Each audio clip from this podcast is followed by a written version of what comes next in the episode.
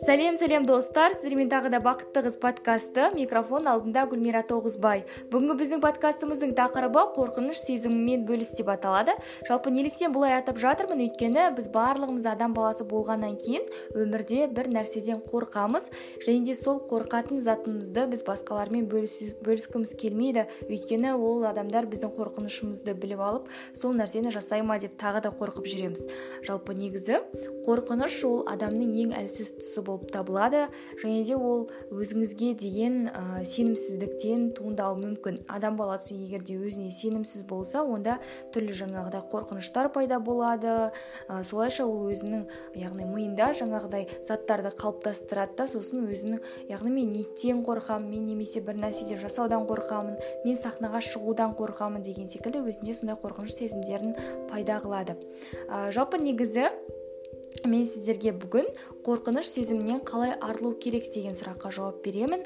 Және де осы қорқыныш сезімі жайлы біршама ақпараттармен бөлісетін боламын.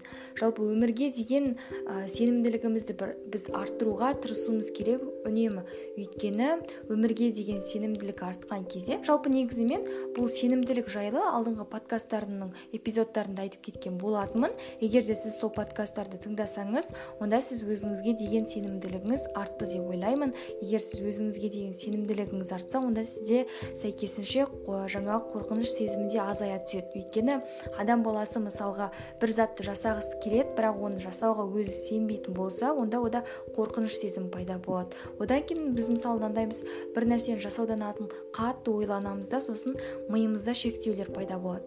Жоқ мен мына нәрсені жасай алмаймын мен мына ғылыми мақаланы жаза алмаймын немесе мен мына ауыр жүкті көтере алмаймын деген секілді деген секілді біздің миымызда шектеулер пайда болады да. Сол шектеулердің әсерінен бізде қорқыныш сезімі пайда болады. Ал егер де сіздерде ешқандай миыңызда шектеу болмайтын болса онда сіз мүлдем қорықпайтын адамсыз деп айтуға болады. Жалпы сьюзан джеффер, джефферс дейтін бір жазушының айтуынша жалпы қорық дейді ол кісі. Бірақ жұмыс жаса біз барлығымызда жаңа нәрсені байқап көрген кезде қорқыныш сезімін бастан кешіреміз деді. Өйткені біздегі үлкен проблема ол қорқыныш сезімін бастан өткеру емес ол қорқынышқа деген біздің қарым қатынасымыз деп айтқан екен өзінің бестселлер кітабында. Жалпы негізі шынымен де біз мысалға бір қорқынышты басымыздан өткерген кезде біз соған қарай қарым қатынас жасаймыз. Мысалға мен ұбт ға түсетін кезде мен ұбт ны бір үлкен бір проблема ретінде қарастырып алдым да мен оған өте бір жақсы немен жағдай яғни өте жақсы бір көзқараспен қараған жоқпын алғашқыда. Дегенмен кейіннен мен енді ұбт кезінде мектептегі ағайлармен апайлармен психологтармен жұмыс жасайсың яғни солармен жұмыс жасау барысында түсіндім. Яғни бұл ұбт ның жай ғана бір сынақ екендігін. Және де ол нәрсе ә, бір күн ішінде өтіп кететіндігін түсіндім де. Сосын мен ары қарай ә, яғни ұбт жақындаған сайын өзімнің ұбт ға деген қарым қатынасымды дұрыстадым яғни мен менде ұбт деген қорқыныш болмау керек. Өйткені мен ол нәрсені тапсырамын.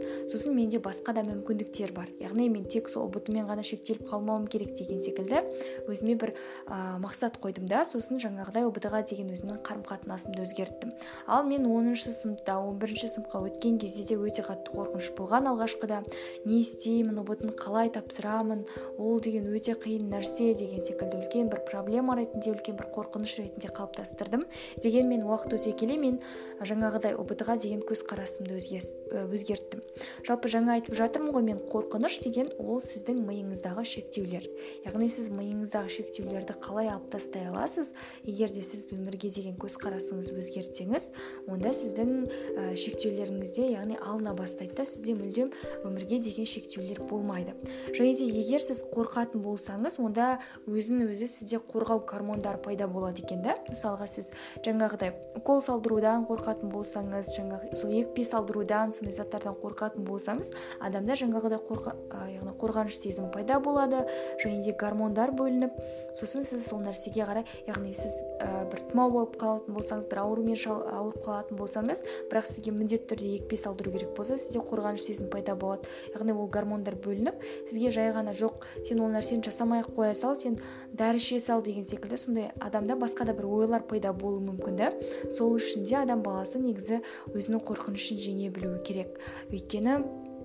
егер де сіз өзіңізге деген мүлдем сеніміңіз болмайтын болса онда сіздің жаңа қорқынышыңыз басым келетін болса онда сіз ешқашанда жетістікке жете алмайсыз.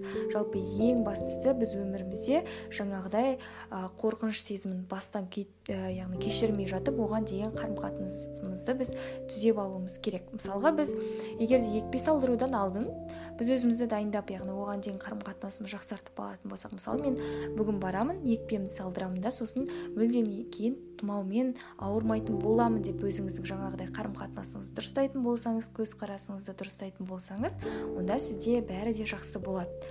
Жалпы қорқыныш жаңа айтып кеткендей ол біздің миымыздағы шектеулер болып табылады. Ә, адамдар негізі ауырып қалудан жұмыстан айырылудан өзінің сүйікті адамынан айырылып қалудан қорқады. Ә, жалпы осы кезде негізі ә, бізде махаббат пен қорқыныш деген сезім болады адам баласында. Жалпы ол сезімдер екеуі де негізі бір біріне қарама қарсы егер де сіз мысалы қорқынышты таңдайтын болсаңыз онда сізге сол қорқынышпен ғана өмір сүру керек болады да басқа заттардың барлығынан бас тарту керек болады. Ал егер де сіз махаббатты таңдайтын болсаңыз онда сіз сол махаббатпен өзіңіздің алға қойған мақсаттарыңызға жетуіңізге болады. Сол себепті де ең алдымен осы қорқыныш пен махаббат деген сезім тұрған кезде сол екеуінен біреуін таңдауды үйреніңіз. Бірақ сізге негізі махаббат сезімін таңдаған дұрысырақ болады. Өйткені адам баласы негізі жұмысқа деген сабаққа деген өзінің мамандығына деген махаббаты болады. Яғни сол махаббаттың арқасында ол барлық қорқынышын жеңіп шығуы мүмкін барлық қиындықты жеңіп шығуы мүмкін. Мысалға мен өзімде журналистикаға түсетін кезде жалпы көп нәрседен қорықтым. Үлкен алматы қаласына барудан қорықтым. Ол жақта қалай болады? Мен сабақтарымды қалай оқимын? Қандай университетке түсемін? Қандай ортаға түсемін деген секілді менде түрлі қорқыныш сезімдері болды. Ә, дегенмен де мен ә, түсіндім. Менің мамандығым ол журналист болу керек. Мен журналистиканы жүрегіммен жақсы көремін. Менің махаббатым тек соған ғана арналған деп өзіме сондай бір сондай бір ой туындады. Және де өзімнің ұстанымым қалыптасты. Соның арқасында мен журналистикаға түстім. Барлық қорқынышымды жігерімді жинадым. Алғашқыда мен негізі камерадан қорқатынмын көпшілік алдында сөйлеуден қорқатынмын дегенмен осы журналистикаға деген махаббатымның арқасында барлық қорқынышымды жеңіп шықтым десем болады. Сіздерде де сондай болу керек. Егер сіздер бір жетістікке жетемін десеңіздер алға қойған мақсаттарыңа жетемін десеңіздер онда сіздер ә, жаңағы қорқыныштарды бөгеттердің барлығында ә, негізі жеңіп шығуларыңыз керек. Адамда негізі қорқыныш болу болады. Ол қалыпты жағдай. Мысалы бір нәрсені жасаудан алдын жаңағыдай ұбт тапсырардан алдын болады қорқыныш. Және де оны тапсырып жатқан кезде де болады адамда. Мен қалай қанша балл жинайды екенмін ол мысалға менің балым жетеді ма ұбт тапсырған кезде яғни грант болуға жетеді ма? деген секілді түрлі сондай адамда қорқыныш сезімдері болады. Ол ертең сіз университетке түскен кезде де болуы мүмкін. Дегенмен сіз жаңағы сол өзіңіздің қорқыныш сезіміңізді басындыру яғни өзіңіздің ұстанымдарыңыздан басындырып жіберетін болсаңыз онда сіз алға қарай жылжымай қалатын боласыз. Жалпы жаңағы нәрсе сіз мысалға миыңызда шектеулер болатын болса мен грантқа түсе алмай қалуым мүмкін. Өйткені мен ауылда оқығанмын. Өйткені мен білімім төмен деп өзіңізге жаңағыдай шектеу қоятын болсаңыз онда шынымен де сіз грантқа түсе алмай қалуыңыз мүмкін. Ал егер де сіз шектеулерді алып тастасаңыз онда сіз грантқа түсе аласыз кез келген оқу орнына кез келген мамандыққа оқуға түсе аласыз. Жалпы негізі адам баласының бойында ешқашан шектеу болмау керек. Өйткені бір адам жасаған дүниені екінші бір адам жасай алады. Ал екінші бір адам жасаған дүниені басқа бір адамдар жасай алады. Сондықтан да ешқашан да бір нәрсені жасаудан қорықпаңыз. Жалпы мен қазір өзім бір әдістермен бөлісетін боламын. Қорқынышты қалай жеңуге болатыны туралы. Ал оған дейін тағы бірнеше мәліметтермен бөлісіп кететін болсам ә, жалпы негізі қорқыныш жаңа айтып кеткендей адамның әлсіз тұсы болып табылады. Мысалы адамдар өлімнен қорқуы мүмкін соғыстан немесе жаңа сенімсіздіктен тағы да басқа заттардан қорқуы мүмкін. Ә, дегенмен де жаңағыдай сіз қорқынышты жеңіп шығатын болсаңыз онда сізде ешқандай да ә, бір болашаққа деген ондай сенімсіздік ондай нәрсе пайда болмайды адам негізі өзіне өзі сенімді болса мен мысалға грантқа түсемін мен мына жұмысты жасай аламын дейтін болса онда ода ешқашан қорқыныш сезімі болмайды. Сондықтан да бірінші кезекте өзіңізге деген сенімділігіңізді арттырыңыз. Жалпы келесі кезекте мен сіздерге бір әңгімені баяндап бергім келіп тұр. Баяғыда бір адам болған екен көлдің жағасында отырған.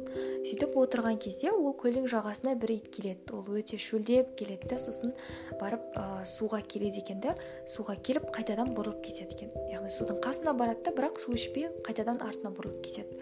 Сол кезде ана жаңағы адам оны түсінбей қалады. Не үшін ол ит суға барып тұрып оны ішпей қайтып кетті деп түсінбей қалады екен. Сосын қараса ол ит негізі су ішуге барған қатты шөлдеп тұрған бірақ судағы өзінің яғни бейнесінен қорыққанда сосын қайтадан артына теріс бұрылып кеткен екен. Бірақ біраз уақыттан кейін ол ит қайтадан жаңағы судың ортасына келіп су ішіп өзінің шөлін қандырады. Өйткені ол суға өте мәжбүр болып тұр. Ол шөлдеп тұр. Сондықтан да ол су ішеді. Сонда жаңағы адам ойлаған екен. Яғни адам баласы да жаңағы сол қорқынышын өзінің мысалы ит қорқып жатыр ғой өзінің бейнесінен.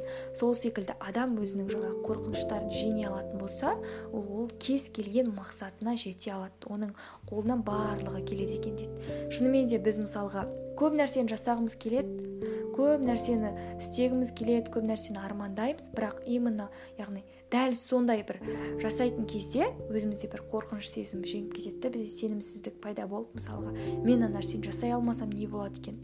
мен мына нәрсені жасай алмаймын ау деген секілді өзінде сенімсіздік пайда болып сосын оны жасаудан бас тартуы мүмкін. Сондықтан да жаңағыдай адам негізі ең алдымен өзінің сенімділігін арттырып еш нәрседен қорықпау керек. Барлық нәрсені өмірде жасауға болады ең бастысы сіздің қалауыңыз ғана. Ал енді келесі кезекте мен сіздерге қорқынышты жеңуге арналған бірнеше әдістермен бөлісемін жалпы бірінші әдіс бірінші әдіс ол just do it деп аталады. Яғни еш нәрсеге қарамай жасау. Сен қанша қорқып тұрсаң да қанша бір нәрсені жасағың келмей тұрса да онда сол нәрсені жасауың керек. Мысалға сен сахнаға шығып өлең айтқың келеді бірақ сен сахнадан қорқасың ба онда сен қазір тұр да сахнаға шығып өлең айтып көр. Сен бір, бір рет өлең айтып көр екі рет өлең айтып көр. Яғни сен бірнеше рет дайындық жасағаннан кейін ол қорқынышының барлығы да басылады да сен бір нәрсені жаса бір рет жасағаннан кейін ол нәрсені екінші рет жасауға болатынын білесің. Сондықтан да ол нәрседен ешқашанда бас тартпайтын боласың. Ал келесі кезекте жаңа айтып кеткен ол өмірге деген көзқарасымызды өзгерту. Қорқыныш деген өмірде негізі болмайды. Ол жай ғана біздің миымыздағы шектеулер. Сол шектеулерді алып тастап өмірге деген көзқарасымызды өзгертсек бізде бәрі жақсы болады. Одан кейінгі бізде ең нашар нұсқа дейді мысалға мен жаңа айттым ғой сіздерге ұбт тапсыратын кезде тапсырардың алдын өте қатты қорықтым деп. Сол кезде менде ең нашар нұсқа болды. Яғни мен өте нашар балл ұбт дан нашар балл жинайтын болсам да мен ә, жаңағы ақыл оқуға түсе аламын деген. Яғни мен өзім жұмыс істеймін ары қарай мен қалай да болмасын өте аз балл жинап тұрсам да мен осы жылы оқуға түсемін. Өзімнің мамандығым бойынша ақыл оқуға түссем де өзім ақша жинап сол оқуымның ақшасын қоямын деген менде өзімде сондай бір ең нашар нұсқа болды. Дегенмен аллаға шүкір. Өзім қалаған мамандыққа өзім қалаған яғни университетке оқуға түстім. Сондықтан да ең алдымен сіздер жаңағыдай қорқатын болсаңыздар өздеріңіз үшін ең нашар нұсқаны таңдап алыңыздар. Сонда мүмкін сізде грант болмай қалсаңыздар да тағы да басқа нәрсе болса да ей қайырлысы ғой деп біз жаңағы бір нәрсені жаңағы бір мүмкіндікті пайдаланып кете аламыз. Сондықтан да сіздерде осындай бір вариант болу керек. Келесі кезекте бізде жаңағы дайындық ә, жалпы негізі нашар нұсқа мен дайындық өте ұқсас. Яғни сіздер өздеріңізді дайындауларыңыз керек. Кез келген нәрсеге. Жаңағыдай мысалға сіз бір нәрсені жасап жатсаңыз да ол нәрсе дұрыс емес болма яғни дұрыс емес болып қалуы мүмкін да. Сол нәрсеге алдын ала өзіңізді дайындап алуыңыз керек. Яғни менде мысалы бір нәрсе ұқсамай қалатын болса бір нәрсені мен жасай алмай қалатын болсам да менде бәрі жақсы болады. Яғни сізде жаңағыдай алдын ала дайындық болу керек. Одан кейінгі жалпы өзіңізге деген бағаны көтеруіңіз керек. Сіз мысалға адам негізі мен мына нәрсені жасай алмаймын десе ол шынымен де жасай алмайды. Ал егер сіз мысалға бір нәрсені жасай аламын деп өзіңіз жаңағыдай айттыңыз оған өзіңіз сендіңіз онда шынымен де жасай аласыз. Мысалға кәсіпкерлерді алатын болсақ ә, кәсіпкерлер олар бір нәрсені жасаудан ешқашанда қорықпаған. Және де олар өзін жоғары бағалайды. Сондықтан да олар көптеген жаңағы мәселелерді шеше алады тез шешім қабылдай алады және де өзінің кәсібін ары қарай дөңгелете алады. Жалпы сіз де ең алдымен жаңағы тәсілдер арқылы өзіңіздің қорқынышыңызды жеңе алатын болсаңыз онда сіздің барлық арман мақсаттарыңыз орындалады. Ең алдымен оның бәрін орындау үшін жаңағы сіздің сіздің миыңыздағы шектеулерді алып тастау керек болды. Одан кейін сіздің мәселеңіздің барлығы да шешіледі.